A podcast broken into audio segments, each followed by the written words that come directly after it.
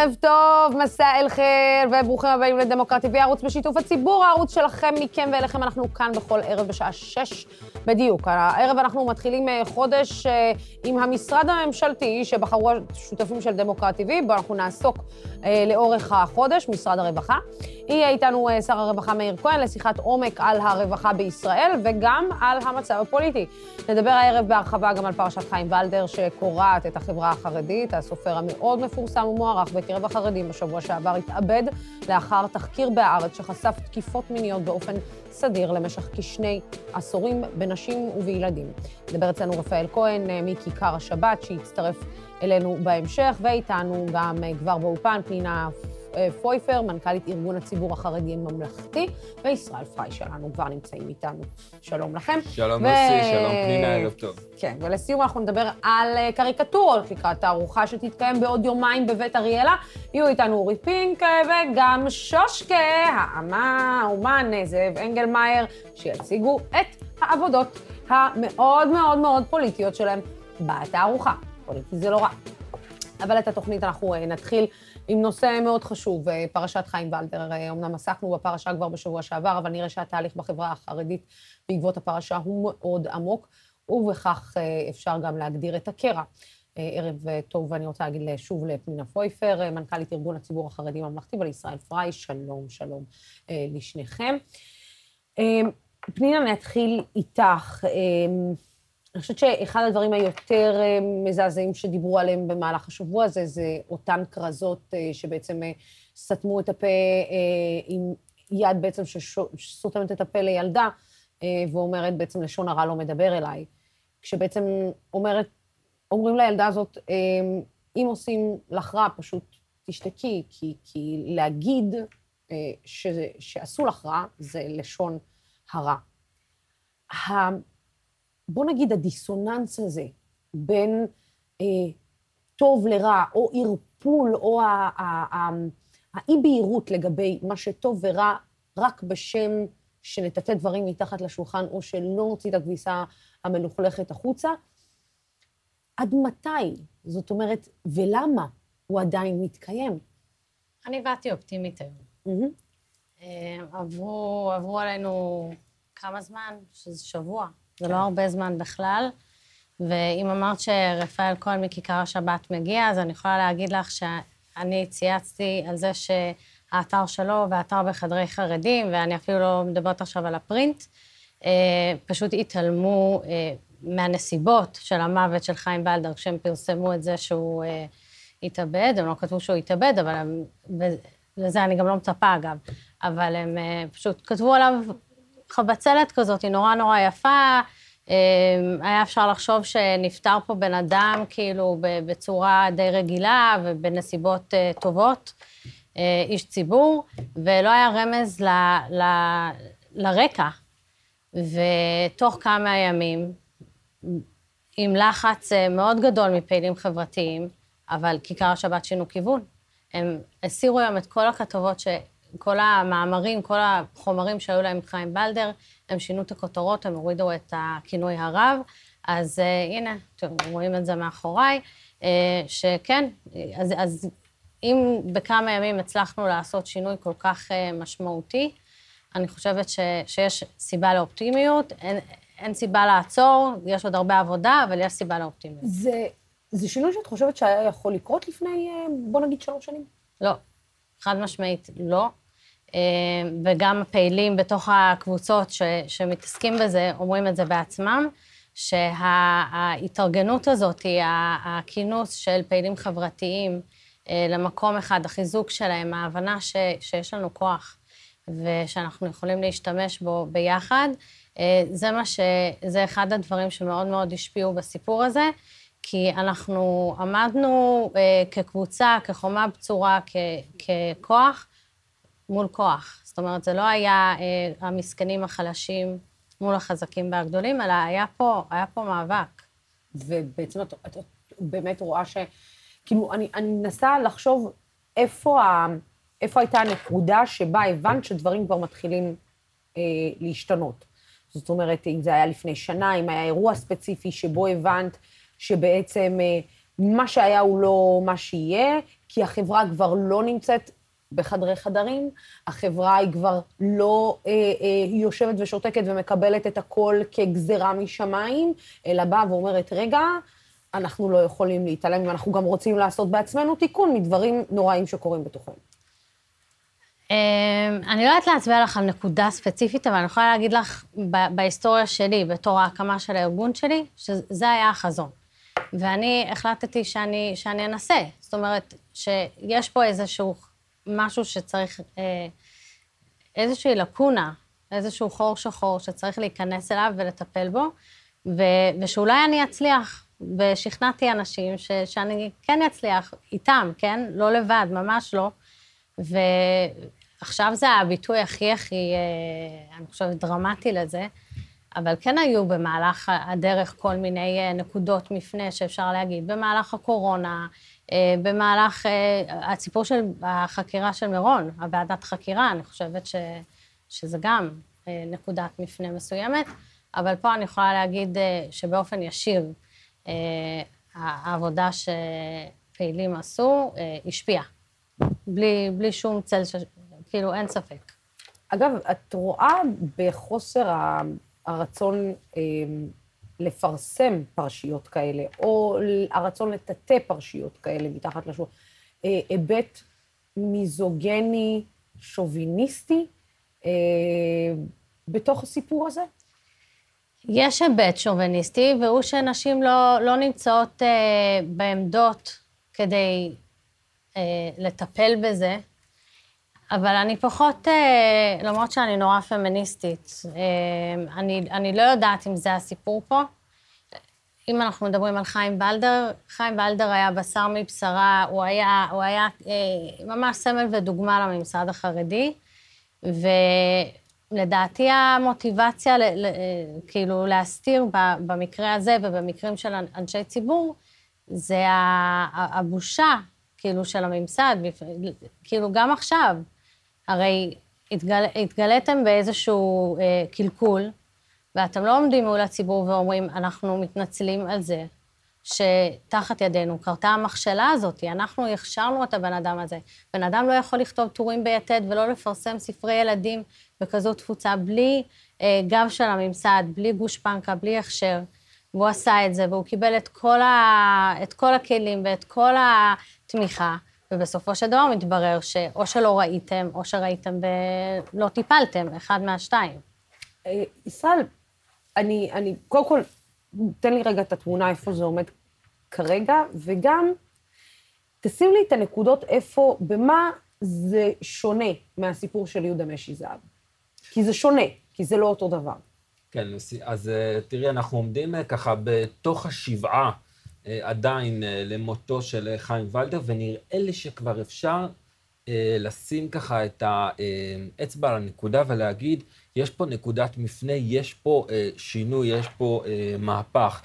כלומר, מהתגובה הראשונית של הממסד החרדי שעטפה אותו, הקולות שקראו לתמיכה בנפגעים, להוקעה שלו, אה, ולעשיית התהליך הזה אה, טוב יותר לכולנו, לטובת ילדינו, אה, הקולות האלה הלכו והתפרסו על המרחב ודי השתלטו, וזה מתבטא לא רק בתחושות, שגם שהן חשובות, כבר יש תמונות וסרטונים שרצים משריפה של ספרים של חיים ולדר על ידי אנשים חרדים במרכזי הערים החרדיות, והקול הזה נשמע. אבל גם ברמה המעשית, אה, היום למשל מוציא אה, הרב דוד לאו, שהגיע לנחם את משפחת ולדר מיד אה, לאחר לכתו וספג הרבה ביקורת, הוא מוציא מכתב שהוא סוג של הבהרה. גם רבנים נוספים שהוציאו כל מיני מכתבי תמיכה, אגב, חלקם מוכרים פחות, חלקם יותר, שהביעו את ה... צידדו בעמדה שלהגיד שחיים ולדר היה צדיק וכל השאר תשתקו. אה, סוג של מחפשים את הדרך, חלקם מבטאים את זה, חלקם מבטאים את זה בצורה שבורה, רק הם מתבטאים, הם אה, מתייחסים להתאבדות, כך או אחרת, יש, יש ניסיון שלם על כל המרחב אה, אה, אה, לתקן את הדבר הזה, ב, וזה לא קורה מעצמו, זה קורה אכן אה, אה, בלחץ ובהבנה אה, ש, ש, שזה לא יכול לעבור. זה, זה, זה הזמן, נקודת הזמן שאנחנו נמצאים עכשיו. לשאלתך על ההבדלים בין פרשת משי זהב לפרשת חיים ולדר, יש הבדלים מאוד מאוד מאוד מהותיים. יהודה משי זהב, הוא היה חרדי לכל דבר, כן, הגיע ממשפחות מאה שערים המיוחסות, אבל הוא לא היה הגיבור החרדי, הוא היה הגיבור הישראלי, שהישראלים המציאו את החרדי של רצו לבנות איזשהו גשר, הוא כמובן, כמובן ידע אה, לשחק את המשחק הכי טוב, אבל לא היה לו שום מעמד, ועוד להפך, הוא היה די מושמץ ומגונה בתוך אה, הציבור החרדי, לכן זה פחות סיפור אה, אה, פנים אה, שנגע אצלנו בבית פנימה. הסיפור של חיים ולדר זה הכי הכי הפוך, כי כמו שפנינה אומרת, אין, אין דבר שהוא יותר אה, אה, ממסד, אה, מיינסטרים, פניהם של ה... אה, ההגמוניה או האליטה החרדית יותר ממנו, הוא איש חינוך, הוא אה, איש אה, ספרות, הוא אה, מנסח טורי השקפה ביתד נאמן, לצופים ולצופות שלא מעורים, יתד נאמן זה ביטאון השקפת דת תורה, זה, זה, זה הצינור החרדיות, מקושר ומחובר לכל הרבנים, לכן צריך להבין גם, השבר פה הוא באמת גדול, כלומר, זו לא סתם פרשה ביזארית, או, או שיש פה איזה... איזה איש מפורסם. יש פה באמת אה, שבר לאנשים, שבר לילדים. אה, ואני רוצה להוסיף עוד, עוד נקודה אה, אה, ברשותך. אה, יש, יש, יש ניסיון, אולי בשוליים, אבל לקחת את זה אה, למקום של אה, חרדים או אה, טובים ורעים. אה, אני רוצה להגיד שכל אה, חברה התמודדה עם התהליך הזה של ה... אה, הבנה כלפי פגיעות, כלפי הפגיעות, של אה, הבנת הקורבנות, כן. של ההבנה מה זה יחסי כוחות מול מוחלשים. אה, חברות עברו את זה, החברה המערבית עברה את זה הרבה לפני, אה, אפילו נראה לי הכנסייה ככה לפני כמה שנים גם היה כן. איזשהו, כלומר זה, זה איזשהו אה, תהליך, אה, ואני לא רוצה לחשוב לרגע, ואני גם לא חושב לרגע, אה, שאנשים או רבנים, חפצים שתהיה פגיעה. יש חוסר הבנה, יש איזו הגנה על איזה שהם חומות ישנים, אה, ו, וזה לא, אה, לא מלחמה, אלא זה תהליך. וכמו פנינה, אני בוחר להסתכל על חצי הכוס המלאה. זה קורה, זה טוב, זה מרגש, וכמובן שיש לנו רק אה, אה, צריך להוסיף לדבר הזה טוב. כן, אנחנו תכף אה, ממשיכים עם השיחה הזאת, אבל בזום מצטרף אלינו כתב כיכר השבת רפאל כהן, השבוע כתבת, קודם כל שלום, ערב טוב לך, תודה רבה שהצטרפת. אלינו, אתה השבוע כתבת בכיכר השבת טור מאוד חשוב ומאוד אמיץ, ובו טענת שהגיע הזמן להפנים שמי שצריך להגן עליו הוא הקורבנות של ולדר ולא על הרב ולדר עצמו. אתה יודע, כש, כשאתה יושב בעצם ומתחיל לכתוב טור כזה, אתה מבין מה אתה עושה? אה, אני מבין מאוד מה אני עושה, ובדיוק בגלל זה כל כך אה, התעקשתי והתאמצתי לעשות את הדבר הזה. אה, זה לא התפקיד שלי, אני לא, אני לא כתב ענייני חרדים של כיכר השבת, אלא כתב פוליטי, ועדיין חשתי צורך מאוד מאוד גדול לכתוב את הדבר הזה. אמ, בסופו של דבר, כמו שהזכירו ישראל ופנינה, אה, אנחנו בקו פרשת המים של החברה החרדית אה, בנושא פגיעות מיניות, ואני מאוד שמח שנפלה בחלקי הזכות לעשות איזה משהו כזה אה, גם פנימה אל הבית. אני רוצה להדגיש שהמקום הזה מה שהיה חשוב לי בכתיבה זה דווקא להדגיש את זה שאני מעוניין בחברה החרדית כמו שהיא, אני לא מעוניין שהיא תשבור חומות ואני לא מעוניין שהיא תשתנה אה, בצורה שתאבד את, ה, את הזהות המיוחדת שלה שאני חלק ממנה ואני מעוניין שגם ילדיי בעזרת השם יהיו חלק ממנה, אלא דווקא התיקון הזה הוא תיקון פנימי, הוא תיקון שהוא הכרחי שיהיה בגלל שקשר השתיקה הוא קשר שהוא מסוכן, בגלל שקשר השתיקה הוא מבוא לעוד פגיעות, הוא מבוא לעוד יותר אסונות אה, נפשיים, ולצערנו גם שמגיעים לידי ביטוי גם ברמת המעשה. אה, זו הסיבה שהחשתי צורך כל כך גדול לכתוב את הדבר הזה, וזה מה שעשיתי. אמ, אתה יודע, אני, אני שואלת את עצמי, אמ, אתה מרגיש גם את השינוי אה, שבעצם דיברו עליו אה, אה, פנינה וישראל, שבעצם, כמו שאמרת, זה קו פרשת מים, אבל אתה מרגיש את השינוי הזה שבעצם כבר אי אפשר יותר, בוא נגיד, אני אשתמש במילה עממית שמשתמשים בה, לעשות כסת"ח למי שחושב שהוא צריך, אה, שיש לו מעמד מסוים בחברה, יוסי, שהוא... יוסי, כסת"ח אה, זו לא מילה עממית, זו מילה אה, צבאית, ואת מתבקשת להתאים את הז'רגון לקהל המשתתפים. בסדר, אבל אנחנו, שני, הקהל כולו פה לא ממש מעורה בענייני צבא. למרות שצריך להדגיש דווקא שרפאל כהן, רפאל כהן כתב כיום בכיר בכיכר השבת, הוא היה בצבא והיה, עשה חלק משמעותי שם. אז מה אתה מתערבב? אתה מבין, כבר לי ולרפאל יש... יש פור עליך. כן. ואני נשואה למסתערב, אז הכל בסדר. אה, אבל, אה, אבל באמת, אתה יודע, הגענו למקום שבו בעצם הכסת"ח הזה כבר לא יכול, כבר לא עובד על, על הציבור החרדי. זאת אומרת, אי אפשר לעבוד עלינו יותר, זה לא הולך ככה.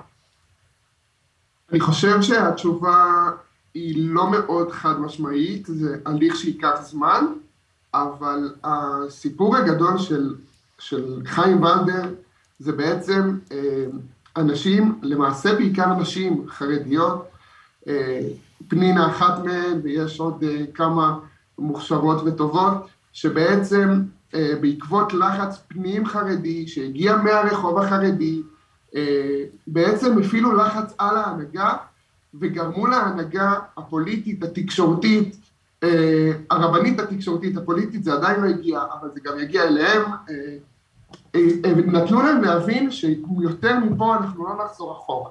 את הדבר הזה אנחנו לא נותנים אה, לשמר כמו שהוא היום, היה עד היום. לש, לשאלתך, האם אני חושב שבגלל זה מפה לא נחזור אחורה בשום צורה ועדיין, אה, וכל תקיפה מינית שברגע שתהיה היא תפורסם, הלוואי, אבל אני יותר סקפטי מזה, אני חושב שזה הליך שייקח הרבה זמן, אפילו כמה שנים, אבל אם נסתכל בעוד עשור ונגיד מתי החברה החרדית אה, חצתה את הגבול והתחילה לדבר על תקיפות מיניות והתחילה לטפל במכה המאוד מאוד גדולה הזו, אני חושב שנגיע לסיפור של ולדר, ואם יורשה לי אפילו לדייק, לא בהכרח הסיפור של ולדר כש, כשהתחילה החקירה, אלא ברגע שבעצם,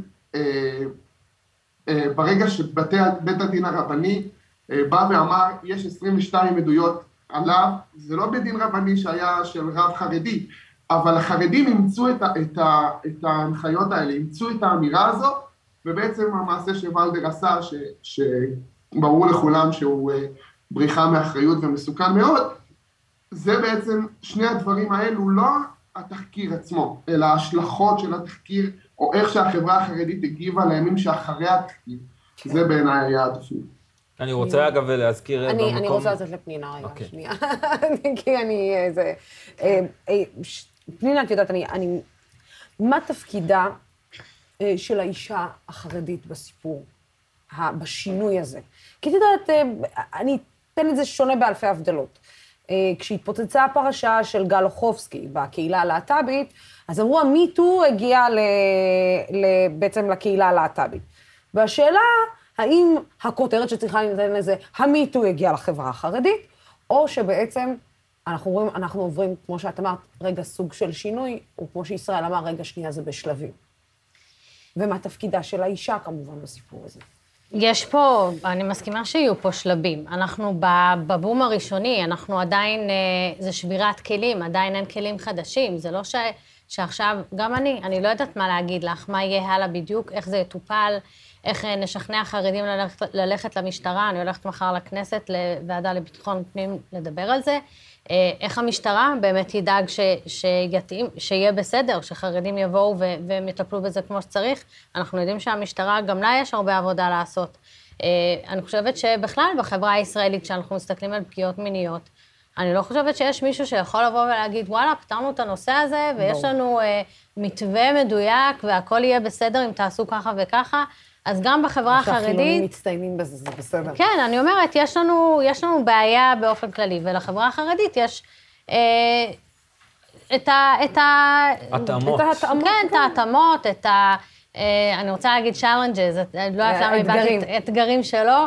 אה, אז אז אה, זה, זה כן, זה יבוא בשלבים, וצריך הרבה סבלנות ואורך רוח. אה, לא סבלנות ואורך רוח אה, בתגובות למי שרוצה לטייח ולפגוע, אלא סבלנות ואורך רוח בהבנה ש, שזה תהליך ושייקח זמן עד שאנחנו נגיע ליעד, ובאמת כל חרדי וחרדית שחס וחלילה ייפגעו, או שיחשפו לפגיעות וירצו לעצור את הפוגעים ו- שיהיה להם את הכלים ויהיה להם את, ה, את הדרך ואת המקומות שהם יכולים לעשות את זה. אז זה, זה, זה. הנושא של הנשים זה מעניין, כי הארגון שלי הוא לא, הוא לא ארגון נשים. נשים. והוא גם, אה, הוא, הוא פמיניסטי מעצם היותו, אה, היותן של הנשים בקבוצה הפמיניסטיות, אה, וחלק מהגברים כמובן, רובם תומכים במעמד האישה. אז, אז יש לו גוון פמיניסטי מובהק, אבל... אמ, אבל זה מעניין שבאמת אה, רוב ה... לא, לא כל, אבל רוב הקולות החזקים אה, שפעלו פה בשטח זה אה, של נשים, שפשוט לקחו אחריות והתארגנו. אולי, לא, אני, אני פחות כאילו אוהבת את הז'אנר הזה של להגיד נשים עובדות ביחד יותר טוב, אבל אולי הפעם זה נכון, ו- ואני אוותר ל... לאמירה הזו. ישראל? כן, אה, אני מבקש להעלות אה, שתי נקודות. אה, דבר ראשון, אני רוצה להעלות את זכרה של בחורה חרדית בשם שפרה הורוביץ, זמן קצר לאחר התפוצצות הסיפור של ולדר, היא למרבה כן. הצער שלחה יד בנפשה בגלל הפגיעות שהיא עברה. אם נאמר, יש את הביטוי, יהי זכרה מהפכה, אז לחלוטין אפשר להגיד את זה על שפרה. אה, המוות הטרגי שלה הוא אמ, נתן אה, הבנה ועוד יותר אה, מוחשית לאנשים שאולי ישבו על הגדר, או, או לא, הרי בסוף לקורבנות אין שמות, ברור. אין פנים, אין, אין, אין, אין קול. וכשההשלכה הזאת הייתה ככה ניצבה במלוא הטרגדיה והעצב נגד העיניים, אני חושב שהיה לזה, לזה משקל, ובאמת היא זכרה מהפכה. אה, נקודה שנייה, אה, בהיות וחלק נכבד מצופינו וצופותינו אה, לא נמנה על הציבור שאנחנו עליו מנהלים את השיח, אז אני רוצה, רוצה לפנות ולהגיד, תראו, בסוף אנחנו לא חיים בעולם סטרילי.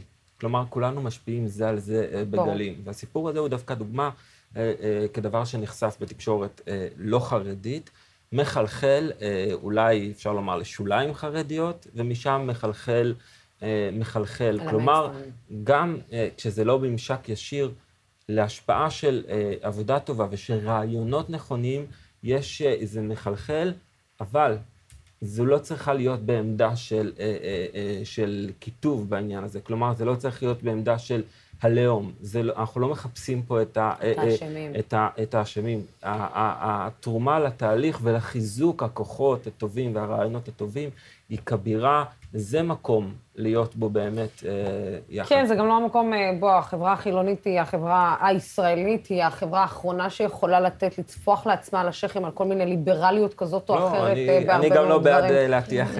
לא, אתה יודע, לא, לא, אני, אני אומרת כל, כל שכל אדם, אחד יתעסק... כל אדם שנמצא במקום הטוב שרוצה להוסיף ולהרבות טוב. בדיוק, יתעסק בלעשות טוב בחברה שבה הוא נמצא ואליה הוא משתייך. רפאל, סיכום שלך.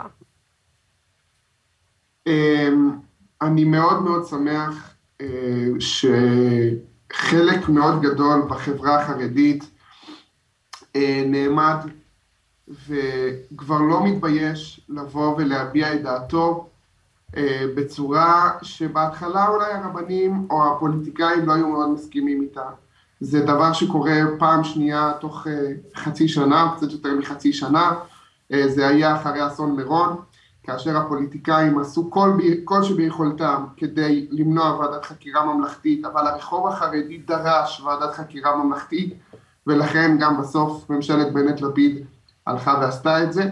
זה מה שהחזיק את זה בכותרות, זה מה שיצר את הסיפור הזה, ואותו דבר קורה גם כאן בפרשה אה, נוראית, שבאמת אה, שברה לב של כל אדם חרדי, של כל משפחה חרדית, ובעצם הרחוב החרדי בא ובעצם קובע את גבולות הגזרה לרבנים, ואומר להם איפה גם אנחנו נמצאים. יש פה, כן, אה, כן.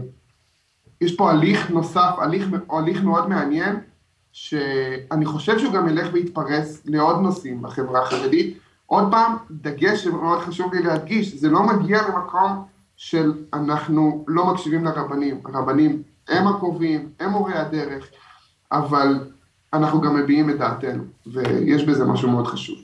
כן, פנינה, ישראל, רפאל, תודה רבה לכם על השיחה המאוד מאוד חשובה הזאת, ואיזה כבוד זה לפתוח את התוכנית עם הסיפור הזה ועם הקולות שלכם. תודה רבה לכם על, על השיחה המאוד אה, חשובה, שצריכה לחלחל גם לאוזניים שלא מכירות אה, ולא יודעות אה, את מה שקורה בתוככי החברה החרדית, וטוב שיש אתכם. תודה רבה. תודה. הערב אה, פותחים את הפה, הדס אה, מרזל, על האנרגיה שכולנו צריכים להתחיל לייצר בעצמנו. המעבר של החברה האנושית לפני יותר מעשרת אלפים שנה, מנוודים שמלקטים מזון לחקלאים שמגדלים את מזונם וגרים ביישובי קבע, נחשב לאחת התמורות המשמעותיות בהיסטוריה. אחד המרכיבים החשובים ביותר של המהפכה החקלאית היה היכולת לאגור מזון ולצרוך אותו לאורך השנה. אגירת מזון סיפקה רשת ביטחון כלכלית לבני האדם. מחקרים שמתפרסמים ברחבי העולם מראים כי מאגרי הנפט והגז הטבעי הולכים ונגמרים. מנגד, משבר האקלים מרים ראש, ומזג אוויר קיצוני מכה ברחבי העולם. זה הזמן לעסוק שוב בהגירה. הפעם אנחנו מדברים על הגירה של אנרגיה ירוקה, וצריכת חשמל גם כשאין רוח או כשהשמש שוקעת. המשמעות של היכולת לאגור אנרגיה ממקורות טבעיים היא מרחיקת לכת. אגירת אנרגיות מתחדשות היא הדרך העיקרית של כולנו להפוך את משבר האקלים להזדמנות, לתקווה. כפי שאסם תבואה אחד בכפר קטן העניק ביטחון לכל תושביו, כך היום יכול יישוב, מפעל או שכונה לייצר ולאגור את האנרגיה הנדרשת לצריכה הפרטית ולפעילות השוטפת. אנחנו ב-NGIS קוראים לזה PPG, Personal Power Generation. במילים אחרות, ייצור עצמי של חשמל ממקורות מגוונים ועידוד אגירת אנרגיה בדרך לתמהיל אנרגטי חדש. מעבר מרשת של צרכנים לרשת של יצרני חשמל, שמנוהלת על ידי חברות החשמל בארץ ובעולם. בעיניי, ובעיני מומחי אנרגיה בארץ ובעולם, זאת הדרך היחידה לצלוח את משבר האקלים ואת משבר האנרגיה. אם נתחיל לייצר בעצמנו את האנרגיה שאנו צורכים ונשלב יכולות אגירה מתקדמות, נוכל אפילו להחזיר חשמל לרשת הארצית. כדי להצליח במשימה, המדינה יכולה לעודד את המהפכה הזאת. המדינה תקדם תמחור שונה של מחירי החשמל. בשעות העומס, החשמל יעלה יותר. ניתן לתת תמריצים לצרכנים שהם בעלי 30 אחוז PPG ירוק. מהלך כזה יעודד אגירת אנרגיה ויקטין את הצריכה באותן השעות. ראש הממשלה בנט הבטיח בגלזגו לפני כמה חודשים שדרכם של יזמים בתחום האנרגיה הירוקה תהיה נקייה מבירוקרטיה, וכינה את ישראל אומת חדשנות האקלים. כדי לממש הפוטנציאל הקיים, מדינת ישראל צריכה לקדם מהר ככל האפשר את חזון ייצור החשמל האישי, ה-PPG, ויפה שעה אחת קודם. אה, כן, הנה חגי לוין אה, כבר אה, מצטרף אלינו, אה, להגיד לנו מה קורה עם היוניקורן החדש שהצטרף אה, לחיינו, אה, כמובן האומיקרון. אה, רגע לפני שנייה, אנחנו נענה פה לדליה טרייביץ', אני לא יודעת, או ביך, או, או איך שלא קוראים לשם המשפחה. רק 168 צופים, מאיפה הכסף לעיתונאים ותחקירנים. אז דליה, כנראה שהכסף לא מגיע ממך. אה, את צופה בנו כי יש צופים, אה, 8,000, כ-8,000 איש שתורמים להיות שותפים, שהם הבוסים שלנו, 8,000 צופים וצופות, שותפים ושותפות, שהם בעצם אה, הבוסים אה, של כל אחד ואחד מהעיתונאים שעובדים פה, והם שמה שמים את הכסף. אנחנו לא מקבלים כסף מאילי הון, ואנחנו לא מקבלים כסף מטייקונים. זוהי, כמו שאני אומרת בכל תחילת תוכנית, הטלוויזיה שלכם, מכם ואליכם, הערוץ שלכם, מכם ואליכם. ודליה, אם את כל כך רוצה לשים, אה, אה, אה, או שמתלוננת, כי לרוב, אה, אני גם אה, רואה שאת מאוד מתלוננת פה כל פעם שאת זוכה לצפות בנו, אז את מוזמנת להצטרף ולתרום. אם את לא רוצה לתרום, כל סכום, דרך אגב, אפשר גם חמישה שקלים, אפשר גם עשרה שקלים. בינתיים, השמונת אלפים איש האלה מספקים לנו כ-350 אלף שקלים בחודש, שמאפשרים לכל האופרציה הזאת לעבוד. אני מקווה שנתתי לך תשובה מספקת. אה, ותודה כמובן לשותפים שלנו אה, שנותנים לנו אה, את התמיכה. אה, להמשיך ולהתקיים בפרויקט המדהים הזה. האם האומיקרון יגרום אה, לסיום המגפה? אנחנו שומעים דיווחים מאוד אופטימיים על כך שהווריאנט הנוכחי הוא פחות קטלני, יותר מדבק ואמור להיעלם בקרוב. פרופסור חגי לוין, האם אנחנו בדרך לחיסון עדר? אותו משפט או אותה צמד מילים שלא רצו לדבר עליו בכלל בתחילת הקורונה, הנה פתאום כולם מכניסים את זה כזה ל... אתה יודע, משחילים את החיסון עדר פתאום בכותרות, וכאילו הכל נראה שזה עובר בסדר.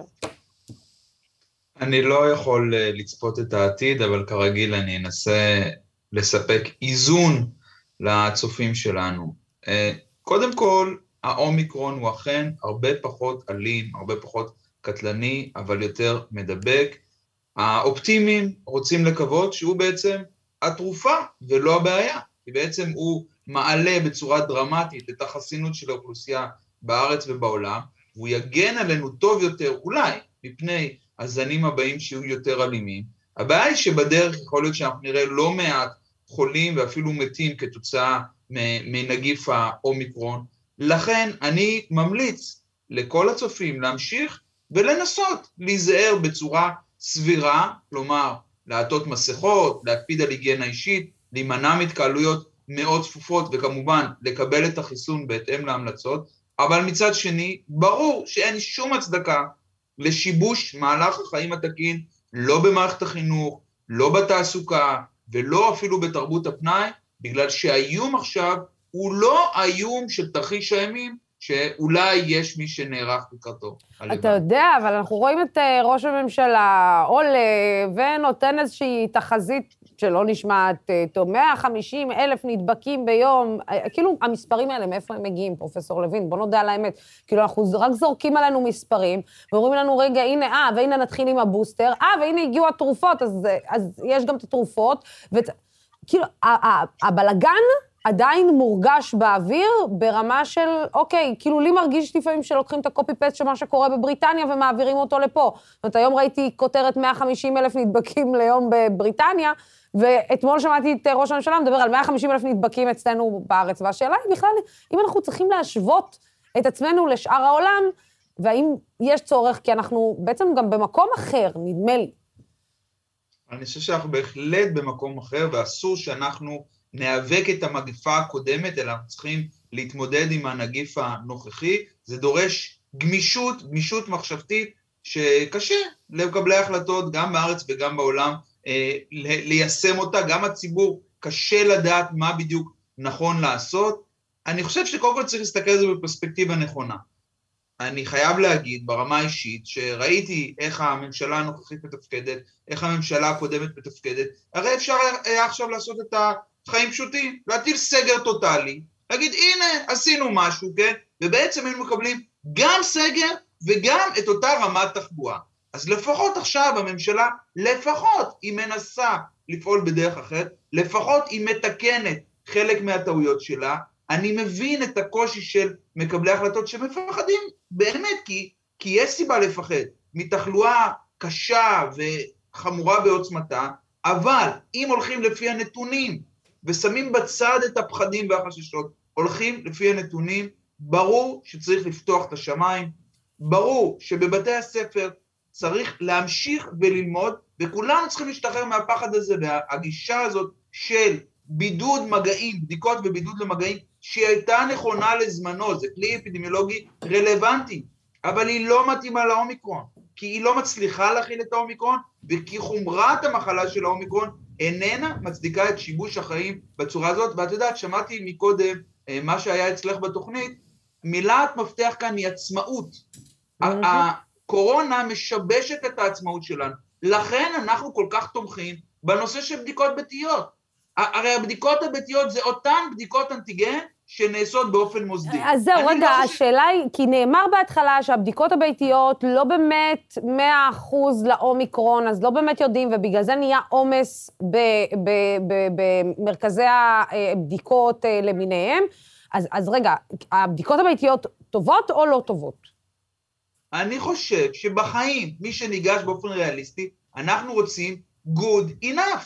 שום דבר לא מושלם. אבל עצם העובדה, יש לזה יתרון כל כך עצום, שהילדה שלי, אני מדבר גם באופן אישי, כן? גם לי יש שלושה ילדים, הילדה שלי שכל הזמן מקבלת התראות, היא נחשפה אה, בחוג בבימת הנוער, היא נחשפה בבית ספר, עכשיו היא הלכה לחוג אומנות, מי יודע איזה הודעה נקבל משם בשבוע הקרוב, אבל הנה, יש לנו פה בדיקות בבית, ואנחנו יכולים לבדוק ולקבל תשובה ולדעת איפה אנחנו עומדים. היתרון שזה כל כך גדול, לעומת שהיא תלך ותצטופף בתור אדיר, תיחשף שם, ושם יבדוק אותה מישהו שאני חייב להגיד שראיתי שהוא לא תמיד יותר מיומן, עם כל הכבוד, בטח לא ממני, אם אני בודק אותה, אבל בסדר, לא לכולם יש רופא בבית שיכול לבדוק, אבל אפשר להדריך את האוכלוסייה, אפשר להוציא סרטון הדרכה איך לבדוק בבית, אפשר לחתום על הצהרה, אנחנו רגילים היום שאפשר להצהיר על כל מיני דברים, אז גם אפשר להצהיר, והיתרון, החיסכון הכלכלי, החיסכון בזמן של הציבור, אני רואה את הפקקים ואת התורים הארוכים שאנשים מחכים,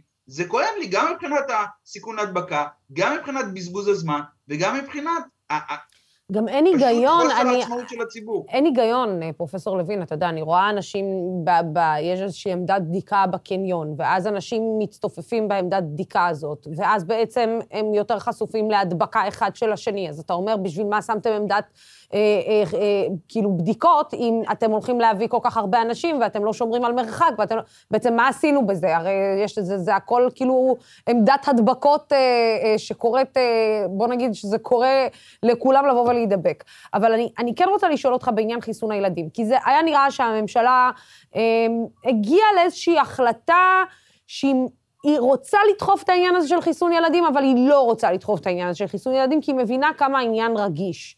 האם באמת, באמת, בוא נגיד, היה צריך לשים דגש על העניין הזה של חיסון ילדים, כשאנחנו יודעים שבעצם ילדים לא חולים, אה, בוא נגיד, לפחות המספרים שאנחנו מבינים עד היום, שהם לא באמת חולים קשה במחלה, גם כשהם נדבקים?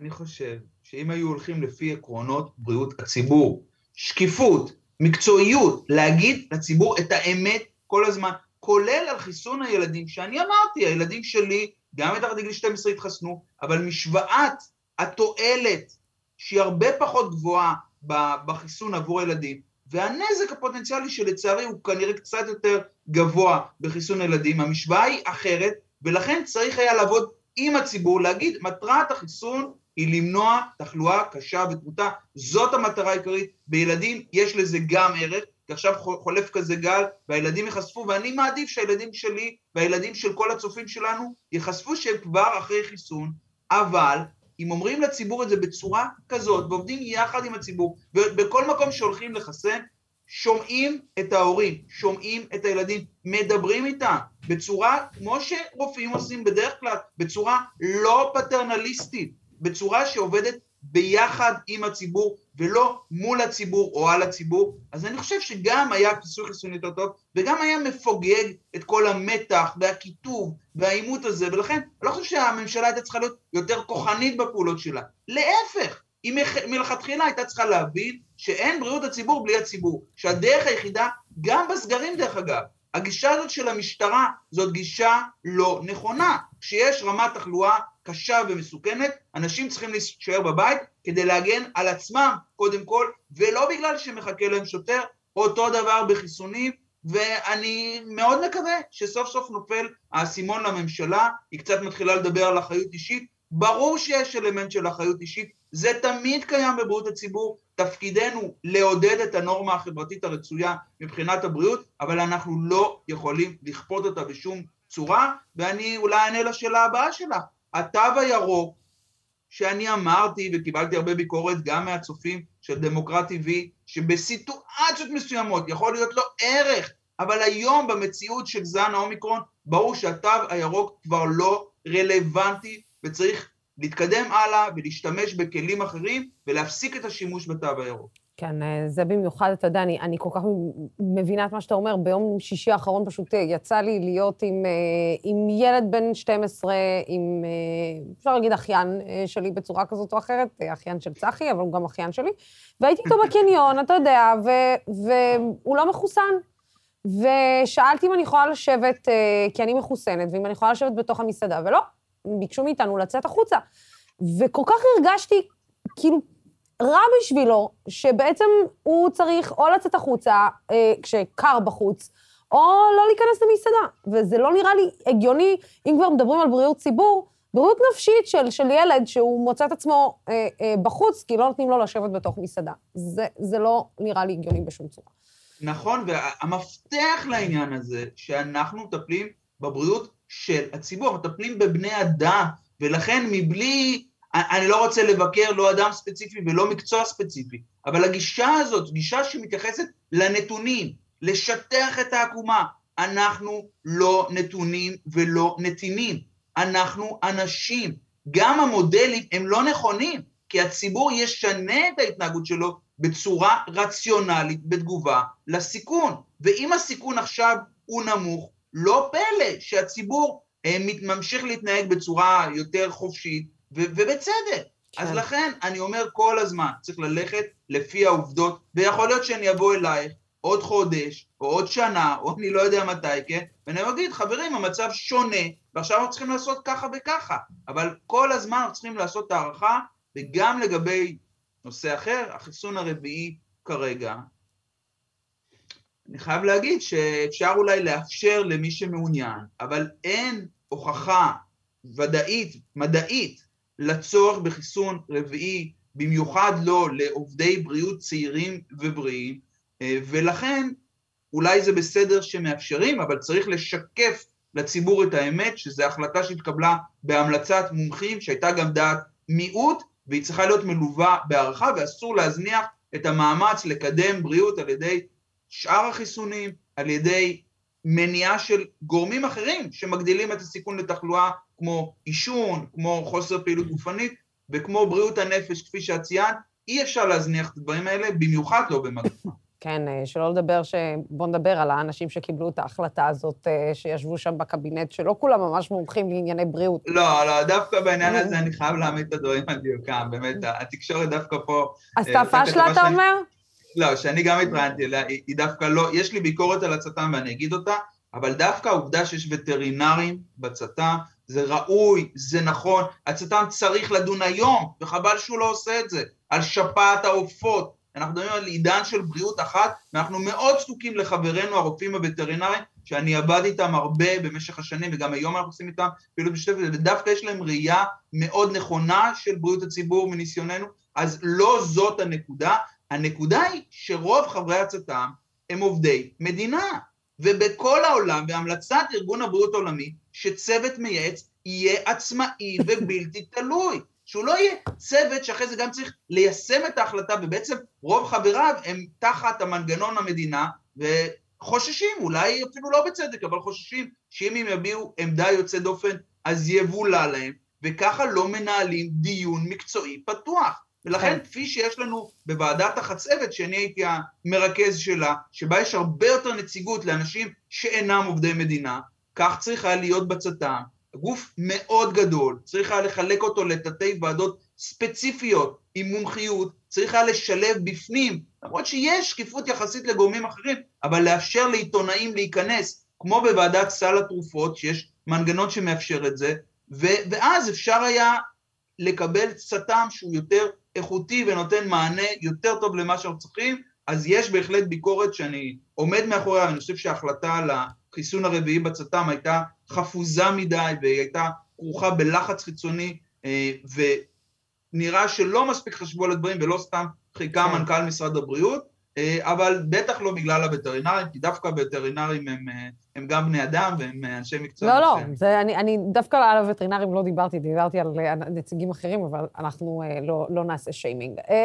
פרופסור חגי לוין, הצופים שלנו מאוד התגעגעו אליך, הם אומרים שאתה צריך לבוא הרבה יותר, וצריך לשמוע את הקול שלך הרבה יותר, בלי, בלי שום קשר באופן כללי. אז תודה רבה לך על, על השיחה הזאת, ותודה רבה לך שעשית לנו סדר בדברים. אה, זה מאוד חשוב. תודה רבה. להתראות. כן, ומי ייתן והאומיקרון והיוניקורן יהיו רחוקים מאיתנו בימים אלה. בעוד יומיים בבית אה, אריאלה שבתל אביב אה, תתקיים תערוכת 2021, שהשנה השנה שהייתה בקריקטורות, בה יוצגו עבודות של קריקטוריסטים רבים, ביניהם אורי פינק האגדי, יושב ראש איגוד הקריקטוריסטים אה, והקומיקסאים בישראל, ואיתה, לא, הרגתם אותי. אה, ואיתו הצ- הצטרפה אלינו שושקה, הלו, זה מאיר, שלום, שלום. לשניכם, כבוד. גדול. אה, מה מיוחד בעצם, בואו נגדיר את זה ככה. השנה שהייתה, הייתה בכלל בפני עצמה כן. קריקטורה. אה, בוא, נודה על האמת. לא, זה לא חדש, זה כבר ככה עשרות. שנים, כן. אבל השנה היא סיפקה, השנה הזאת סיפקה, בוא נגיד, הרבה חומר לאומנים, לא כן, צריך כן. להגיד את זה. במיוחד כשאנחנו נמצאים במגפה, במיוחד לא, בתקופה זה- פוליטית האמת משוגעת. שהמגפה, קורונה באמת, היא המגפה הראשונה בהיסטוריה שיש לה ציור. כאילו, יש לה דמות, היא כזה עיגול, נכון? ירוק. היא גם חמודה. אה, היא חמודה כן. כזאת. כן, זה- שמנמנה ועגולה. כן, כן, סיפרו. לנו זה. אבל uh, התערוכה של השנה שהייתה, אה, פעם זה היה מסורת שנתית לעשות פעם בשנה, השנה שהייתה, היה הפסקה של איזה עשור, עכשיו חזרנו, וזה נראה אחרת לגמרי, זה נהדר. דבר ראשון, יש לנו קריקטורה שיצאה, כן, פתאום יצאה, כן, פתאום היא בחוץ, כן, יצאה לנו... יצאה החוצה. כן, יצאה החוצה, ויש לנו צילום בתערוכה, שזה, לא היה לנו דבר כזה בחיים. כן, באנו לשחרר את, יש לך אחת הקריקטורות, כן, אה, כן, באנו לשחרר את שושקה בערבות. כן. כן. שזה היה אגב קריקטורה שאותי נורא ריגשה. אה, אורי צייר את אה, כל האייקונים של הקריקטורות, כולל הברווז ויוסף וזבנג. אה, כולם מגיעים לשחרר אותי מהמעצר, שזה היה נורא נורא משמח. כן, זה היה... באמת ועוד קריקטוריסטים. כן, זה היה איזה מין ליין, אחווה. כן, היה ליין שלם, זה- וזה אחד הדברים שחשובים. הסתבכת עם השם של הארגון וזה, כן. תקראי לנו אקי. אקי. אקי, נו. בבקשה, אה, כן. גל אקי, תודה. שיירשם, כן, כן. שזה זה קיצור של ארגון הקריקטוריסטים והקומיקסאים, זה קוף דגושה, אוקיי? אוקיי. קוף מדגש. עכשיו, אנחנו באנו באמת, אה, התערוכה, עשינו אותה, אה, ניסים חזקיהו, שהוא מקים, הוא העורך של התערוכה, ויש את רפי מנה עוצר, ויובל כספי העוצר.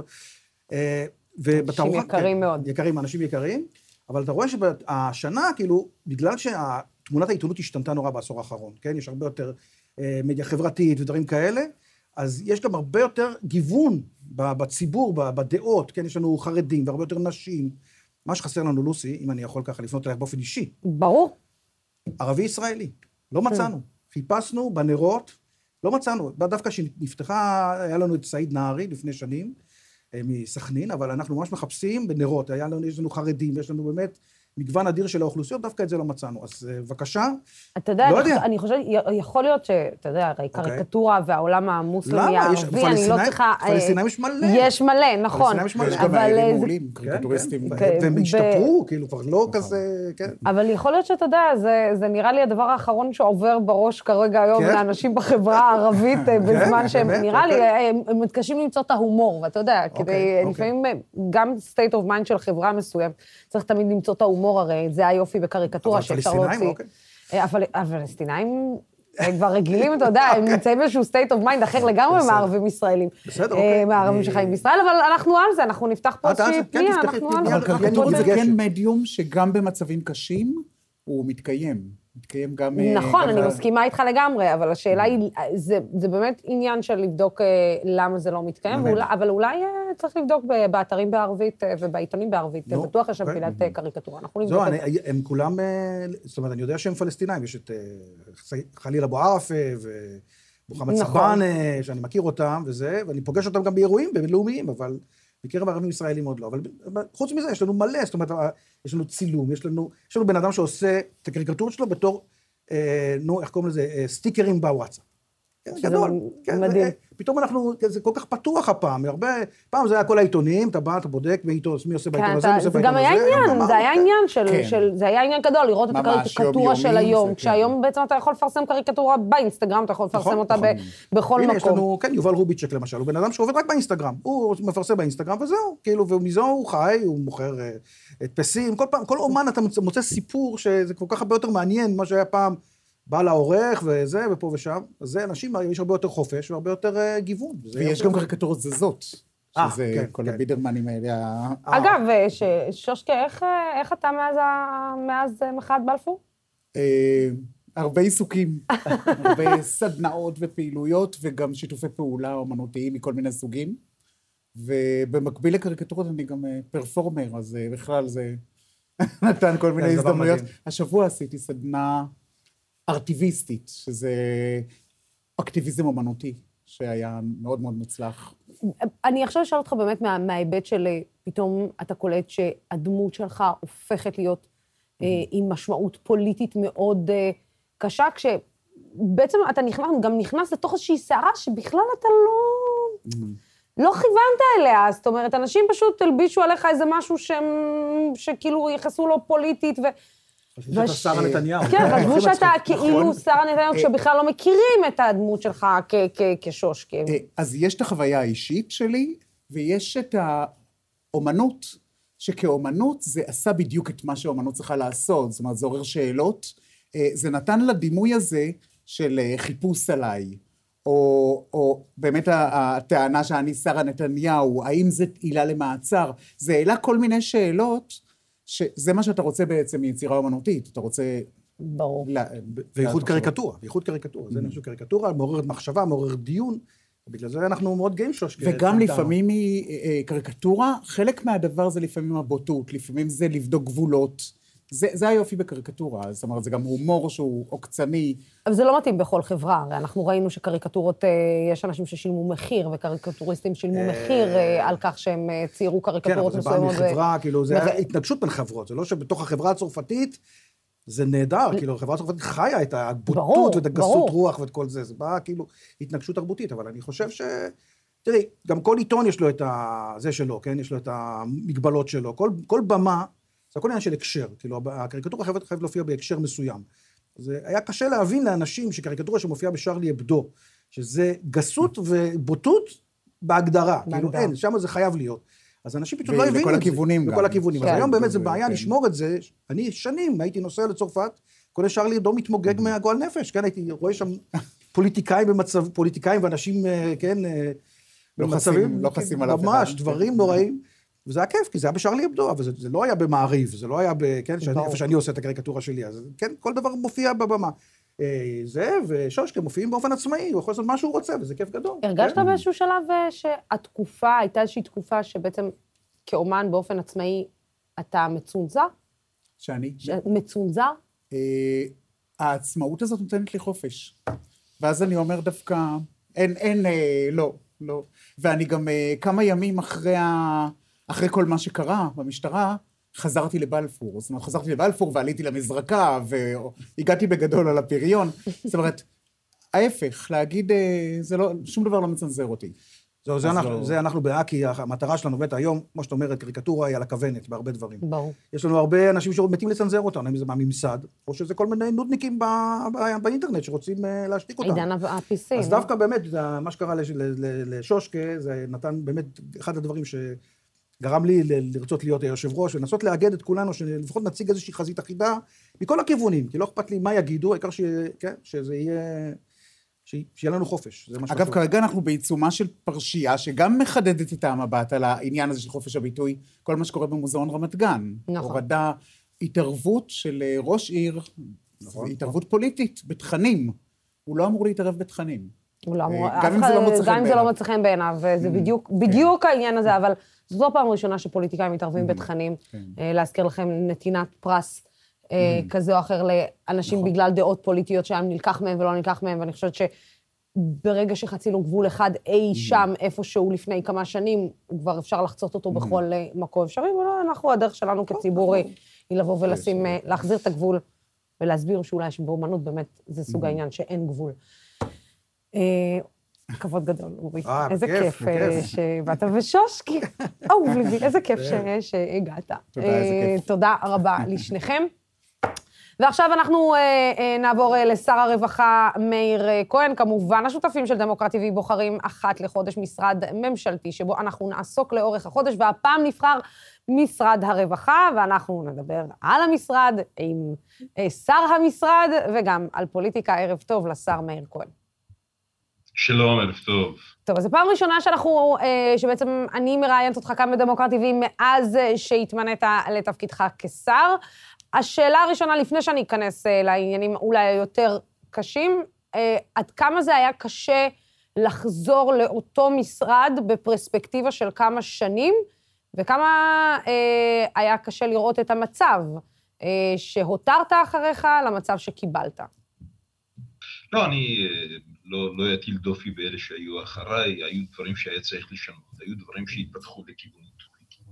אבל בסך הכל הכללי זה משרד שאני מכיר, אני אוהב אותו אהבה גדולה את המשרד הזה. אני, אה, זה כיף לחזור למשרד שאתה מכיר אותו, ואתה לא צריך ללמוד, אין לך אה, אפילו מאה ימים של חסד, אתה צולל לתוך העניין ומתחיל לעבוד. אבל בוא נודה על האמת, מאיר, ההישגים... כמובן שהדוחות, דוחות העוני, או. הם דוחות שאני ציפיתי, אני בהחלט ציפיתי אה, למציאות טיפה אחרת, לפחות בשנים שנמדדו לפני הקורונה, כי מה, למה גרמה הקורונה אנחנו כולנו יודעים לצערי הגדול, אבל לא נראה לי שמשנת 2014 הממשלות באמת השקיעו בצמצום העוני. אז לא נראה לי, מאיר. בדיוק, כן. ב, בדיוק במקום הזה אני רוצה לשאול אותך, ובאמת אני אכנס לעובי הקורה בעניין הזה. אמ, אתה רואה את עליות המחירים. אתה רואה שכל בוקר אה, עם ישראל אה, מתעורר לעלייה נוספת, אם זה בפירות, אם זה בירקות, אם זה במוצרי הצריכה, אם זה בפרפורמריה, אם זה בפסטות, אם זה בבשר, אם זה בעוף. והטבעת מתהדקת יותר ויותר על האזרח הממוצע ועל המשכורת שלו, שלא אה, מצליחה להביא החודש את מה שהביאה בחודש שעבר. והרי אתה יודע, מאיר, שבסוף זה יתדפק על דלתך, זאת אומרת, זה יתדפק על, דלתה, על, על הדלת של משרד הרווחה. והשאלה היא, איך הגענו למצב שאם אתם הרי הייתם עכשיו יושבים באופוזיציה, אתם הייתם צועקים עד מעל לראש שזו התנהלות קלוקלת של ממשלה. איך, איך, זה, איך זה קורה במשמרת שלכם? תראי, אה, צריך להבין שאחרי ש... מסיימים גל קשה מאוד ששיתק את כל המשק של קורונה.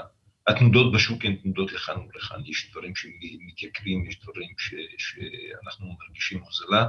אנחנו כממשלה, אני כשר הרווחה, ואני חייב לציין את שר האוצר, אנחנו עושים במהלך החודשים האלה כמה צעדים שהם צעדים מאוד מאוד חשובים שלא נעשו פה הרבה מאוד שנים. ברגע אני רוצה לשים את גל ההתייקרויות שאני יודע, והיום שמעתי את אורנה, שרת הכלכלה, אני יודע באיזה צעדים נחושים היא הולכת גם להילחם בתופעה הזאת וגם להסביר לחלק מהאנשים שאחראים על העליות האלה שאנחנו לא, לא, לא נאפשר אותה, למרות שזה שוק חופשי ולמרות שאלה עסקים פרטיים לגמרי, אבל אנחנו למשל העלינו קצבאות של אנשים שהכנסתם הייתה נמוכה, 60 שהבטחת ההכנסה שלהם עלתה ב-500 שקלים. אנחנו שינינו את הדיסריגרד לאוכלוסיות חלשות, גם לאימהות חד-הוריות, גם לנכים, גם לאנשים עם מוגבלויות שהם יכולים לצאת לעבוד והקצבה שלהם לא תיפגע. אנחנו עכשיו, רק היום, וביום רביעי זה יבוא להצבעה, אנחנו מעריכים את אה, כפל מי שמקבל אבטלה ויוצא לעבוד עד סוף 22, לא יגזרו לו את האבטלה, אלא יכירו בזה כהכנסה ויעשו קיזוז הרבה יותר מתון. אלה דברים שאנחנו עושים והציבור לא כל כך מכיר את זה, ואני שמח ש, שאני כאן בכדי להגיד את הדברים האלה. אלה דברים שבאמת מחצים אנשים מהעוני. אבל באופן כללי, אנחנו חייבים לשים את ידינו על עליית המחירים לדחוף את זה למטה. אסור לנו להרשות את זה, ואני אומר את זה לאנשים שהם בעלים של כל מיני חברות מזון גדולות, וכן, אני בין אלה ששואלים אותי הציבור, ואני אומר, חבריא, הציבור גם צריך לקחת חלק. בסופו של דבר, מי שקובע את המחירים זה הציבור, לא רק אנחנו. וכן, מותר לציבור לבוא ולהגיד, את הדברים האלה והאלה שאתם מעלים מחירים, אנחנו לא נקנה יותר. אלא בסופו של דבר זאת אחריות של כולנו. אבל אנחנו כממשלה העברנו תקציב, התחלנו לייצב את הכלכלה הישראלית, אנחנו נאבקים שלא נסגור את המשק הישראלי, ולעיתים אנחנו גם שומעים מטענות שאנחנו לא מספיק החלטיים, אבל אנחנו לא רוצים לסגור את המשק, ובעזרת השם, השבוע, השבוע הבא יפתחו את השמיים, כי אנחנו יודעים פחות או יותר להכיל את הסיפור הזה של האומיקרון, ולכן אנחנו, לצד העשייה הטובה, נתקלים בבעיות של העלאת מחירים. זאת האחריות שלנו, זה במשמרת שלנו, אנחנו צריכים לעצור את זה. מאיר, אני, אני, אתה יודע, הרי בסוף זה חוזר באמת אליכם. הרי הסיפור הוא לדבר עם בעלי הרשתות הגדולים, לדבר עם האנשים, בעל, עם בעלי המאה, אה, כי בסוף, אם אתם לא תציבו גבול, לגלגל להגיד לנו, אה, אל תלכו לקנות, זה... לא, לא, לא. לא את זה אמרתי, לא את זה אמרתי. אמרתי, אמרתי חלק מדברים עולמיים שקורים כמלחמה בעליות מחירים, זה כאן, זה כן אמירות... זה כשיש, לא, נכון, אבל זה כשיש לך אופציות, תסכים איתי, מאיר, זה כשיש לך אופציות. אבל כשאין לך אופציות, אני ואתה מגיעים מאותה עיר, אתה יודע, כשיש לך שני סופרים לא בעיר...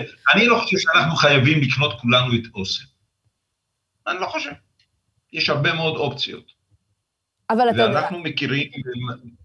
בבקשה, סליחה. לא, אני אומרת, אבל אתה יודע, בסוף, אה, כשאתה נמצא נגיד במקום קטן, אה, ואין לך הרבה אה, אופציות, ואתה יודע, וזה מה שיש, אז זה מה שאתה קונה.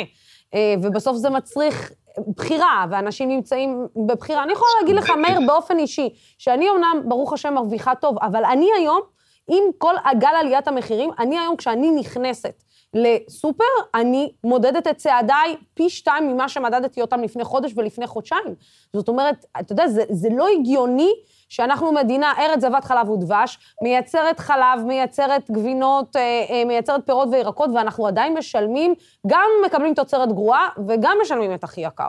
זה לא הגיוני, כי זה נראה שמישהו לא שם את היד על השלטר, ואולי גם, אתה יודע, אולי גם התקציב שעבר, אני גם אומרת, אולי לתת עוד תוספת למשרד הביטחון, זה מיותר. כשאתה יכלת לקבל תוספת יותר גדולה, או משרד הבריאות יכל לקבל אה, תוספת יותר גדולה, או משרד, או משרדים אחרים של לדאוג לביטחון תזונתי יכלו לקבל תוספת יותר גדולה. אתה יודע, אולי גם החלוקה של התקציב היא לא נכונה. אני, אני, אני תראה, בסופו של דבר, המדינה צריכה, יש לה עוגת תקציב אחד שהיא צריכה לחלק אותו, ואני חושב שהתקציב האחרון היה תקציב חברתי. ואני באמת, שזה נשמע בקולי, וכשאני ער לזה, ומכיר את התקציבים, זה באמת היה תקציב חברתי. אנחנו הגדלנו את תקציב משרד הרווחה במיליארד ו-200 מיליון שקלים, שזה היה הישג חסר תקדים. אנחנו היום חזרנו לחזק המון המון יסודות שקשורים לביטחון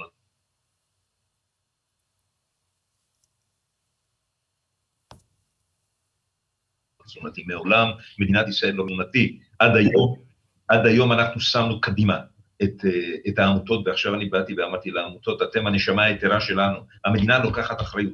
אנחנו מכניסים למעגל המשפחות שאנחנו תומכים בהן, אנחנו כנראה נגיע ל-28 אלף משפחות, שזה יוצא מן הכלל, וזה חלוקה לא של ארגזי מזון, זה חלוקה של כרטיסים על פי, על פי אה, דיווחים שאנחנו מקבלים ממשרדי הרווחה ברחבי הארץ. אנחנו הוספנו הרבה מאוד כסף לתוכניות העצמה, כמו נושמים לרווחה. כלומר, משרד הרווחה היום הוא לא משרד ש... אה, הוא לא משרד הסעד, אנחנו משרד יוזם, מאתר, מונע ודואג למוביליות חברתית. רוב הכסף אנחנו שמים בתוכניות שהן תוכניות העצמה, שמוציאות משפחות מתוך מעגל העוני. כי לתת uh, קצבה כזאת או אחרת, בלי ללוות את זה בעוד צעדים שמוציאים אנשים מהעוני, אנחנו נישאר באותו, באותו דבר. וזאת, זאת אחת הסיבות שחזרתי למשרד הזה, זה מרתק כמה אפשר לעשות דרך הרווחה ולעשות מוביליות חברתית, ושם אני נמצא, ואני חייב להגיד, אני מסתכל על קצבאות הנכים. אנחנו תוך יומיים החלטנו להוסיף 900 מיליון שקל לילדים עם מוגבלויות. זה מדהים. 900 מיליון שקלים לקחנו, הבנתי את הכאב הגדול אצל ילדים עם צרכים מיוחדים, ובאנו ושמנו שם 900 מיליון שקלים. זה לוקח את המשפחות האלה, זה לוקח את הילדים האלה, ומי שהיה בקו העוני זה מחלץ אותם שם. משפחות לילדים, חשבנו על כל דבר, משפחות ל, עם אה, ילדים בצרכים מיוחדים שנמצאים בפנימייה כזו או אחרת או במוסד כזה או אחר, יקבלו אלף שקל לקצבתם בכדי שיוכלו לנסוע, להביא את הילדים אליהם הביתה. יש מחשבה גדולה מאוד סביב כל הנושא הזה. אז זה תקציב חברתי, אני רואה שיפור גדול מאוד גם בתקציב אה, משרד הבריאות. אני חייב להגיד שאחרי שבלמנו, ואנחנו חוזרים להניע את גלגלי המשק, צריכים לעשות את זה במתינות, צריכים לעשות את זה בזהירות. דוח העוני, גם של אה, אה, הביטוח הלאומי וגם של שאר העמותות, כל הדוחות האלה מצביעים ומדליקים בפנינו נורה אדומה שאנחנו צריכים להתייחס אליה, ולכן אנחנו מקימים הצעת המחליטים הבאה של משרד הרווחה, היא להקים שולחן שיוביל אותו משרד הרווחה עם שאר המשרדים, בכדי לחלץ אנשים מהעוני. אנחנו המדינה מבין 20 המדינות עם הכלכלות החזקות ביותר. זה, אסור שאצלנו, זה בדיוק העניין. אסור שאצלנו יהיו ילדים. זה בדיוק העניין, מאיר, אתה יודע, אני חושבת ש... תראה, בסוף, בסוף, אה, אני יודעת כמה עניין הרווחה הוא עניין מאוד חשוב אה, ללבך ומאוד יקר לך. אה, ואני יודעת כמה אתה לוקח גם, באופן אישי, אני יודעת גם ממקרים שטיפלת בהם, כמה אתה לוקח דברים באופן מאוד עמוק ללב לכל מקרה שאתה מטפל בו. אבל אתה יודע, אני, אני מסתכלת, והרי אה, אני מסתכלת על כל המצב ש, שאנחנו חווים אותו כרגע, ואני אומרת, הרי המפלגה, יש עתיד, חרתה על דגלה אה, להיות הקול של מעמד הביניים. ומאיר, אה, בשיא הכנות, מעמד הביניים במדינה הזאת אה, הולך ונעלם, ועם גל ההתייקרויות הזה, הוא הולך ונעלם עוד יותר. זאת אומרת, אה, אה, אין יותר מעמד ביניים. אנחנו רואים שהעשירים מתעשרים עוד יותר, תקופת הקורונה בכלל גרמה להם להתעשר עוד יותר, החלשים נחלשים עוד יותר, ומעמד הביניים שאמור איכשהו להחזיק בין, בין שתי השכבות האלה, קורס לחלוטין. הוא קורס כי גם מעמיסים עליו אה, עוד מיסים. ואם אני צריכה, לא צריכה להגיד לך מה מצב, מה מצב אה, העסקים העצמאיים, ש... אתה יודע, צריכים, אה, שמשלמים עוד יותר מיסים ממה שהם צריכים לשלם. אז השאלה היא, איך זה יכול להיות שהמפלגה שחרתה על דגלה לשים בראש מעייניה את מעמד, ולחזק את מעמד הביניים, איכשהו מוצאת את עצמה, אה, לוקחת חלק בהקרסה שלו. לא, אני, אני לא מסכים איתך, אני חושב שאת מתארת את זה בצבעים של...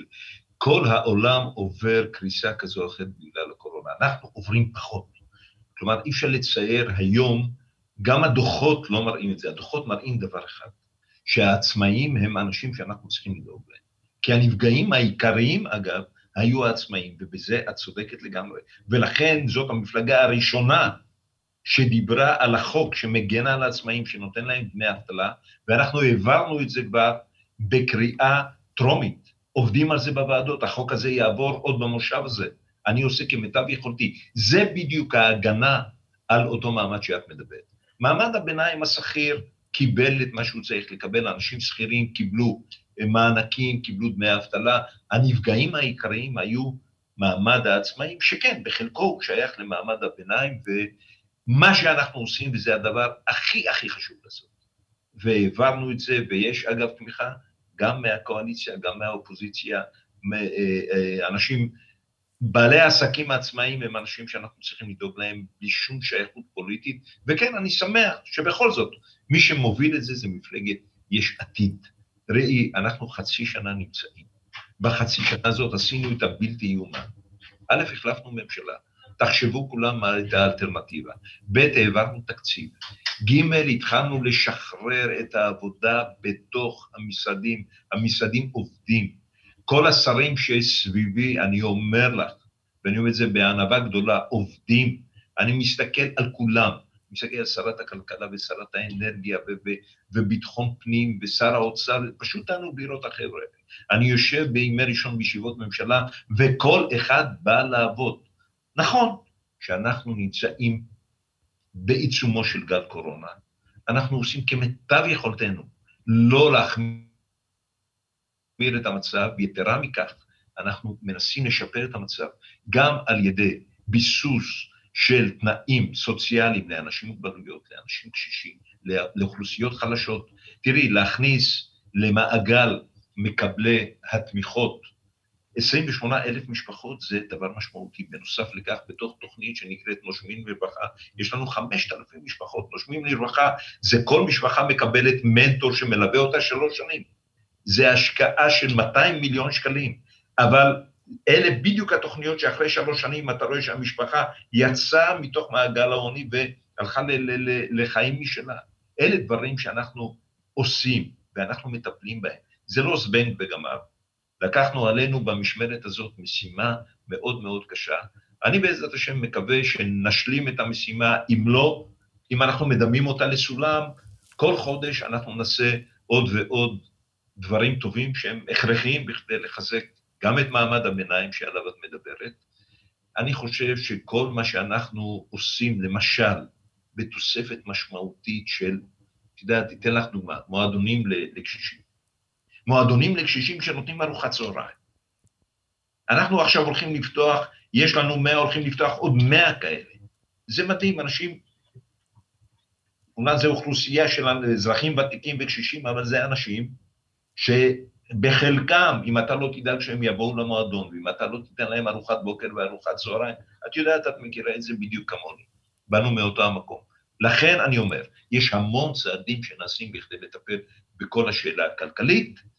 הדבר מבחינתי, הצעד שהוא באמת מבשר שינוי, זה דמי אבטלה לעצמאים, שיהיה אפשר לפתוח עסק, ואם נפלת, או אם קרסת, או אם יש איזו מגפה, אתה לא תרד מיד ממעמד ביניים, תתחיל לבקש חבילות מזון ב... אז ב- זהו, ב- אגב, ב- אגב, מאיר, אה, אה, לגבי קצבת הזקנה, אם כבר דיברת על מועדונים לקשישים, אה, הרי בוא נודה על האמת, אדם ששילם במדינה כל חייו ביטוח לאומי יותר מ-2,200 שקלים.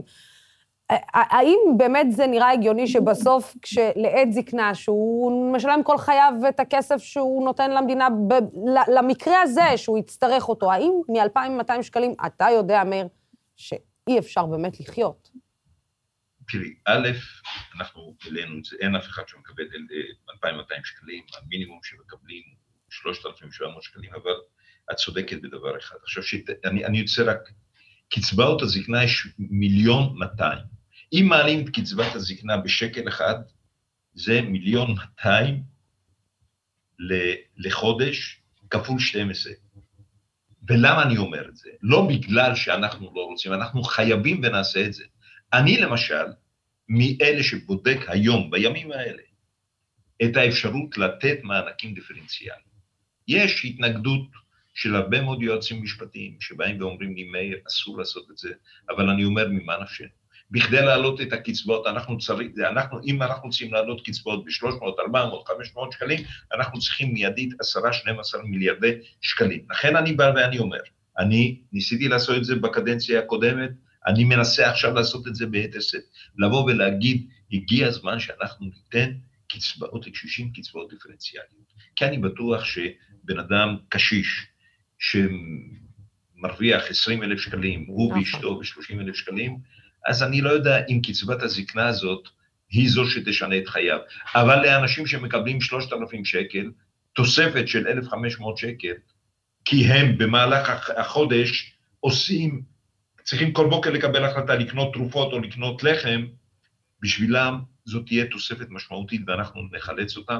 אני מאוד מקווה שאני אצליח לשכנע את היועצים המשפטיים ואת האוצר, כי אני חושב שזה יהיה הפתרון. אני מקווה שאנחנו נצליח לעשות את זה. את נגעת בנקודה שמבחינתי, הנקודה שהכי מטרידה אותי. כן. הכי מטרידה אותי.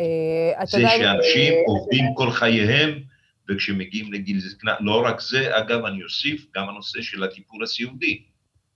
גם הנושא של הטיפול הסיעודי, ואנחנו מנסים לפתח קהילות של אנשים מבוגרים שיכולים לייצר להם קהילה בלי כל הפסיליטי של של אה, בתים, אה, מגדלי הים התיכון וכולי וכולי, אפשר גם לייצר קהילות דרך הדיור הציבורי, יש אלף ואחד אה, דברים שאנחנו חושבים עליהם, אבל הנושא של הביטוח הסיעודי זה, זה נושא מאוד מאוד מאוד חשוב, ואנחנו יושבים עליו עם הביטוח הלאומי, עם האוצר, עם משרד הבריאות, עושים הכל בכדי לייצר מציאות שבה מי שעבד כל חייו וזקוק ל...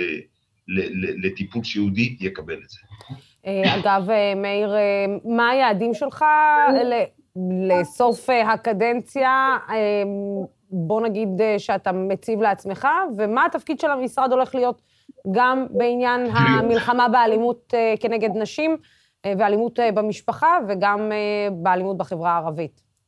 תראי, שני דברים עשינו, ותודה רבה על השאלה הזאת, כי אחד זה, הפעם הראשונה ש... יש תוספת של 120 מיליון שקלים לטיפול במאבק באלימות כנגד, ה, ה, ה, בתוך המשפחה. ואחד אולי הבשורות שאנחנו עכשיו נמצאים בעיצומם, שפתחנו כבר שתי דירות ופותחים עוד שתי דירות, למקלטים לגברים שמורחקים מהמשפחה שלהם. אחד הדברים שכל הזמן משגעים אותי זה שיש אלימות בתוך המשפחה כנגד נשים, מוציאים אותה עם הילדים לתוך מקלט, והגבר בין אה, ישיבת משפט לשנייה יכול לבוא ולהישאר בביתו. אז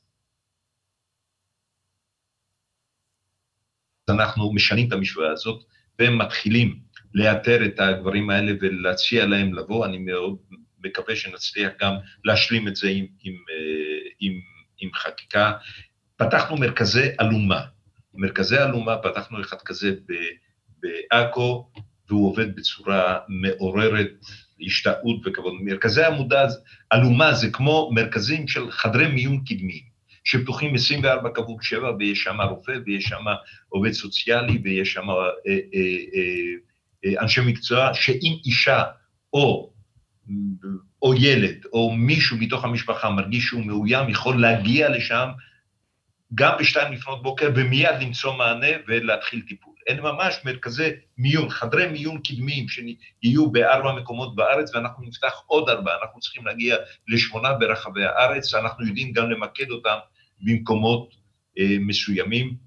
בנושא של המלחמה בפשיעה במגזר הערבי, יש לנו פרויקטור, שזה יואב סגלוביץ', מחר אגב ישיבה כזאת, אני יושב בתוך ועדת השרים, שעומד בראשה ראש הממשלה אישית, שמטפל בזה עם פרויקטור שאת בוודאי מכירה אותו, יואב סגלוביץ', אני חושב שהוא עושה עבודה מצוינת, ולראיה, מה שאנחנו, אה, הטיפול המסיבי של הימים האחרונים, אני חייב להגיד לך שלפני השיח הזה, לפני שהלכתי להצביע, ישבתי כאן עם חבר כנסת ודיברנו על מה המציאות שבה חיים עובדים סוציאליים, עובדי רווחה, בתוך כפרים ערביים, בתוך ערים יותר מבוססות, ערים ערביות, בתוך ערים מעורבות, גם על זה אנחנו שמים דגש.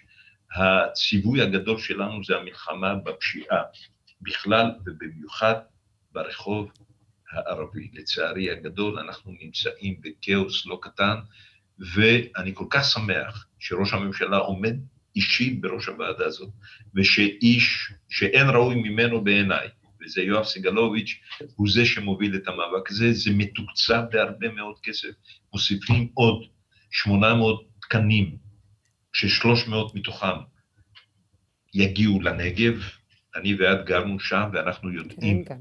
מה קורה בפזורה הבדואית וכמה החבר'ה האלה צריכים את ההגנה שלנו מפני הפשיעה שמתחוללת גם שם. שם אין אופק בכלל, אני לא צריכה להגיד לך את זה. אה, סליחה, לא שמעתי, סליחה. אני אומרת ששם אין אופק בכלל, אה, עם כל הכפרים הלא מוכרים, והבדל תרבויות, וחוסר אה, העברת תקציבים. ביקשתי, ביקשתי וקיבלתי להיות השר הממונה על הפזורה הבדואית, כי 60 שנה אני שם, מאז שבאתי... אתה מכיר את זה יותר טוב מכל אחד אחר. נוסע נוסע ברחבי הנגב ומטייל וחי בתוך החברים שלי בערוער ובאבו סוב ובכל המקומות הטובים האלה שזקוקים לכניסה מסיבית שלנו. יש שם באמת סיפור עצוב. זה לא סיפור של הרעים וטובים, זה סיפור של מדינה שהחליטה לוותר על המשילות שלה. עכשיו, משילות זה לא משטרה וכוח, לא רק זה. משילות גם זה מערכת חינוך מצוינת, ומשילות זה גם מערכת בריאות מצוינת, וחינוך זה גם דרכי גישה, אה, אה, משילות זה גם דרכי גישה, ומשילות זה גם משטרה, וגם נקודות של מד"א ונקודות כבאות. יש איזו תחושה שהמקומות האלה, במיוחד הפזורה, כי ביישובים ברהט ובכסייפה ובתל שבע, יש קווים כחולים, היישוב מאוד ברור, אנחנו יודעים להיכנס ולעזור. הבעיה הגדולה זה עם כמאה אלף איש שנמצאים בתוך הפזורה בין הפחונים, בין האוהלים, בחורף, בקיץ, ויש, לפי הנתונים שאני מקבל, יש כ-3,500 ילדים בגילאי לידה עד גן חובה שלא נמצאים בשום מסגרת.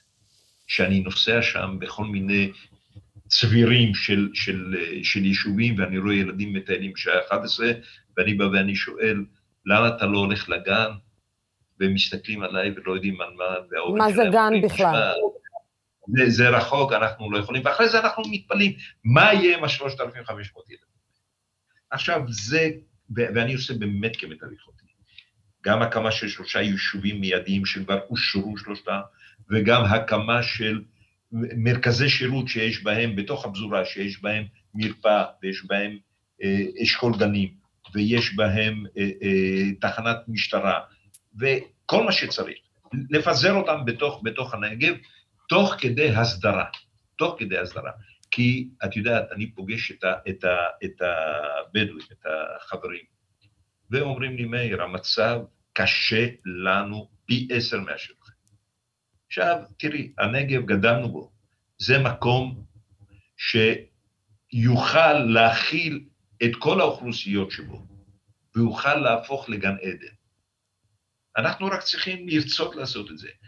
זה לא מונע ממני להעביר ביקורת על חלק מההנהגה שלהם, ולהגיד ברור. להם, הגיע הזמן שתהיו פרגמטיים.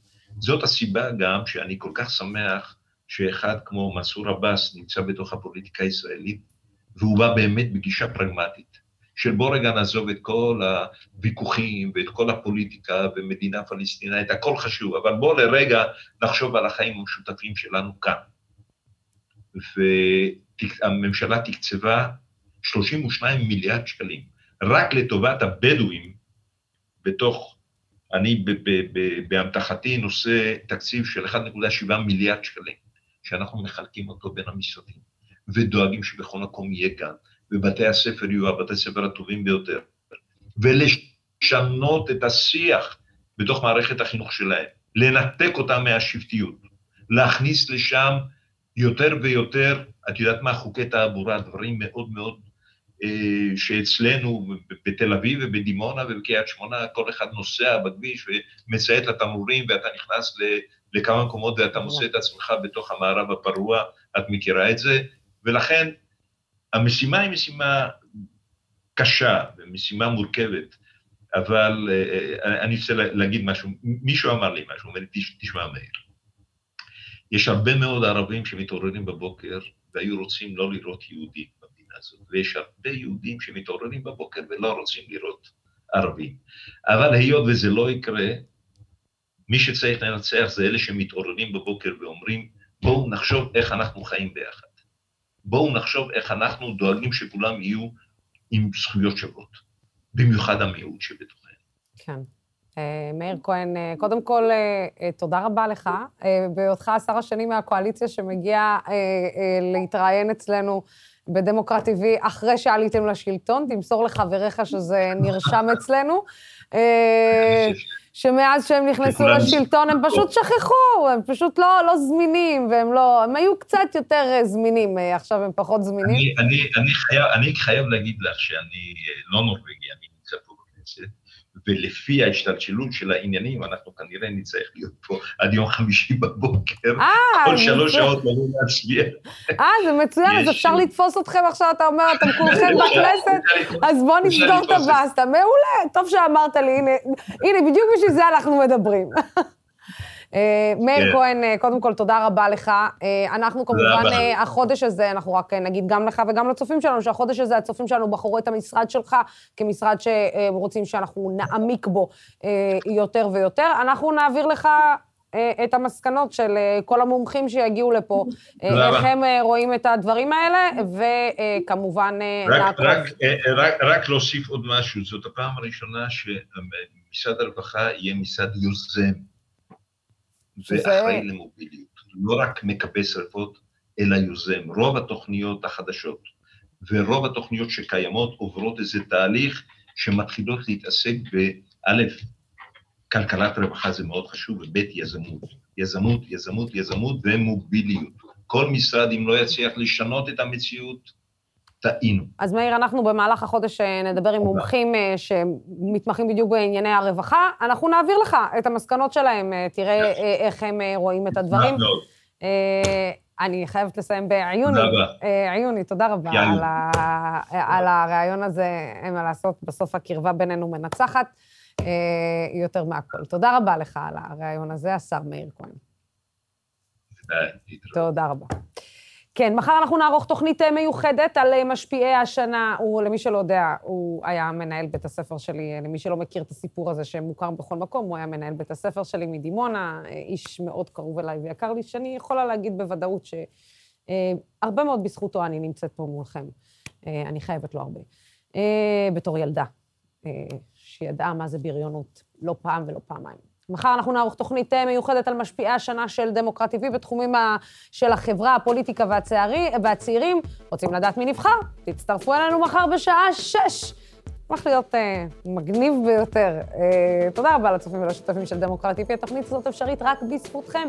בימים כמו אלו הולכת ומתחדדת החשיבות של ערוץ תקשורת שלא מפחד להביע עמדה נחרצת בעד הדמוקרטיה ובעד שלטון החוק, בעד המאבק בשחיתות ובעד מגוון של דעות. המהדורה המרכזית של דמוקרט TV בימים ראשון עד חמישי בשעה שש.